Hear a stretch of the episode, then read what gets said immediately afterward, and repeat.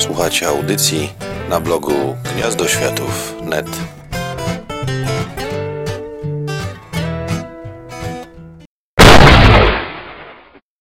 O serii Sin City Franka Millera. W zasadzie większość ludzi, którzy komiksami się interesują, miała okazję, albo przynajmniej powinna była słyszeć, więc nie będę się tu bawił w długie stępy. Jest to seria. Seria komiksów narysowanych w charakterystycznym dla Franka Millera, takim brudnym, czarno-białym, mocno kanciastym stylu, gdzie niegdzie z kolorami nałożonymi przez Lin Varley. Złośliwi mówią, że właśnie dzięki temu, że Lin Varley nakładała mu kolory, to facet lubił rysować rzeczy czarno-białe. Opowiada ona o życiu takim bardzo przerysowanym półświadka marginesu, bandytów, skorumpowanych gliniarzy, dziwek, ćpunów, e, kanibali, e, skorumpowanych kapłanów, urzędników miejskich, generalnie o życiu najbardziej barwnych szumowin w pewnym paskudnym mieście Basin City. W Polsce seria ta wyszła nakładem wydawnictwa Egmont na temat e, cyklu wydawniczego, a następnie cyklu wznowieniowego Egmontu zamilczę, ponieważ staram się jednak trzymać pewną klasę. Powiem tylko, że zrobione to zostało zupełnie po partyzancku i bez głowy. Chociaż wierzę, że ktoś, kto to robił, miał wrażenie, że stoi za tym jakiś zamysł. Nie będę się z tym kłócił. Ostatecznie jednak cała seria została wydana, a po kilku latach ostatecznie została w całości wznowiona i udało mi się wreszcie dostać w ręce tom ostatni do piekła i z powrotem. O tomie tym krąży taka kompletnie nieuzasadniona opinia, cytowana zresztą, czy też pomieszczona na stronie wydawcy, czyli Egmontu, że jest to być może najlepszy i tak odmienny od innych tom Sin City. Jeżeli ktoś czytał Sin City, to po lekturze tego tomu stwierdzi, że na pewno odmienny to on za specjalnie nie jest.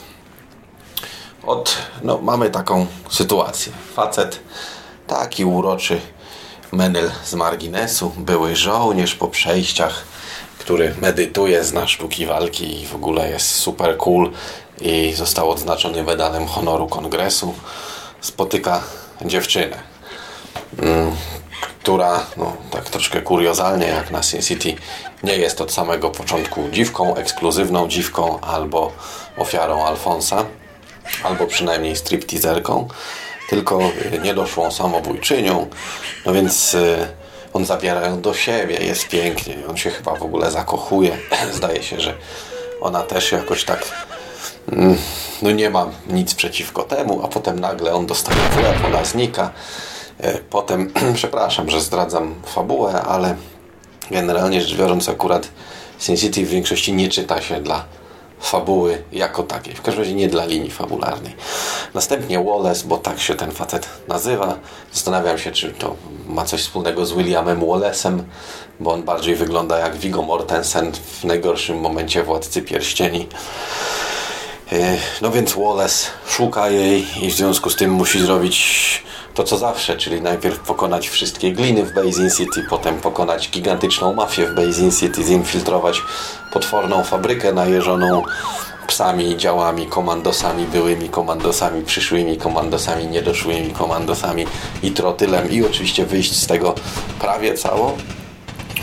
E, oczywiście no nie bez pomocy.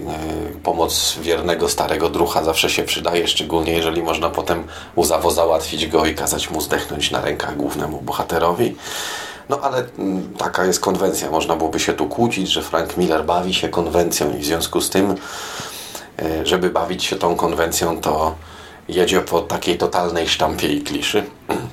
Jeśli mam więc być szczery, to do piekła i z powrotem nie różni się w zasadzie od poprzednich części Sin City.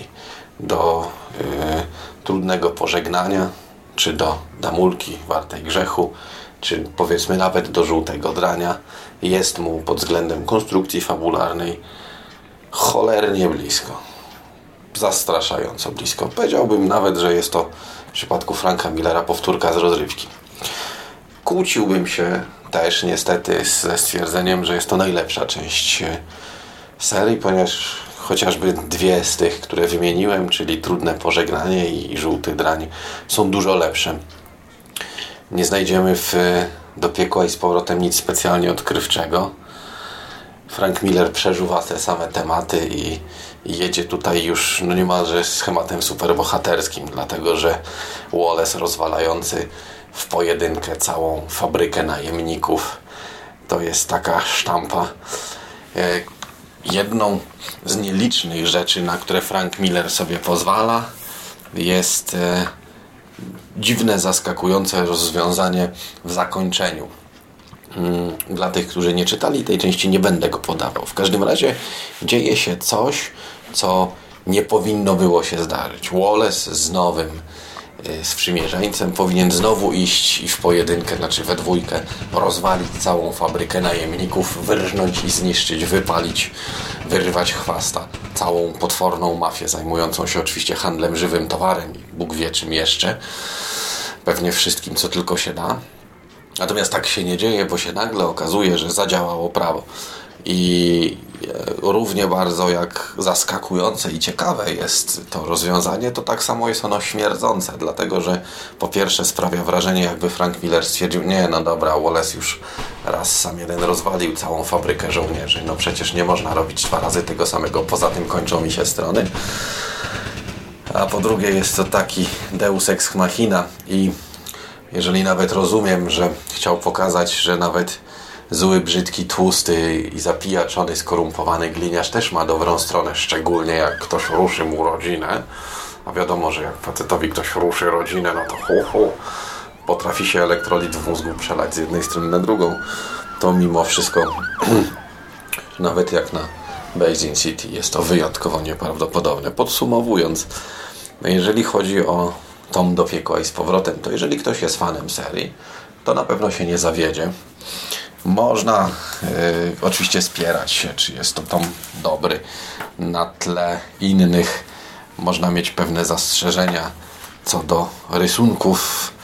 Rzeczywiście tutaj z taką opinią pojawiam się nie tylko ja, również Krzysiek Wojciechowski, którego opinię, jeśli chodzi o komiksy, bardzo sobie cenię, ponieważ jest, można powiedzieć, wysokiej klasy fachowcem w tym temacie.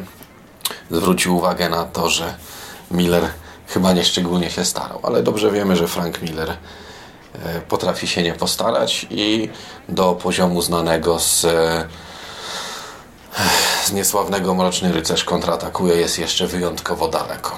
Wyjątkowo daleko.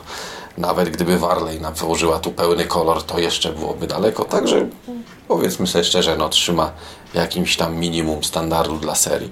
Fabularnie jest to taka powiastka, która plasuje się gdzieś mniej więcej w połowie drogi, tak jak mówię, żółty drań czy e, trudne pożegnanie zostawiają ją z tyłu o przynajmniej dwie długości każde z nich, ale też jest to całkiem przyzwoita, sztampowa, kliszowa historia o facecie, mścicielu, który dla kobiety sam jeden w pojedynkę walczy ze złem tego świata i w dodatku e, giną wszyscy inni, a jemu udaje się przeżyć.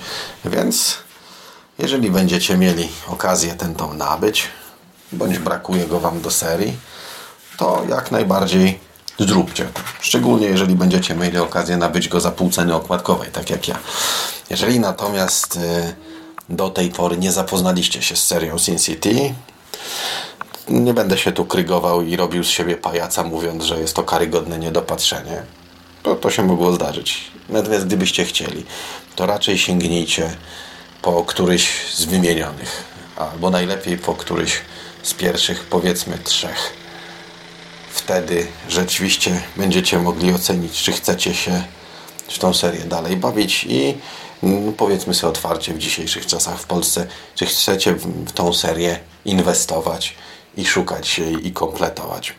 Bo jeżeli zaczniecie od do piekła i z powrotem, to możecie odłożyć ją z takim poczuciem, no fajna, ciekawa, troszeczkę odstająca od standardów, zwłaszcza w czasach, kiedy została napisana, bo dzisiaj to już trochę mniej historia, ale bez przesady. Niemniej fanom Franka Millera polecam, a innym tak pod stół podrzucam jako ciekawostkę.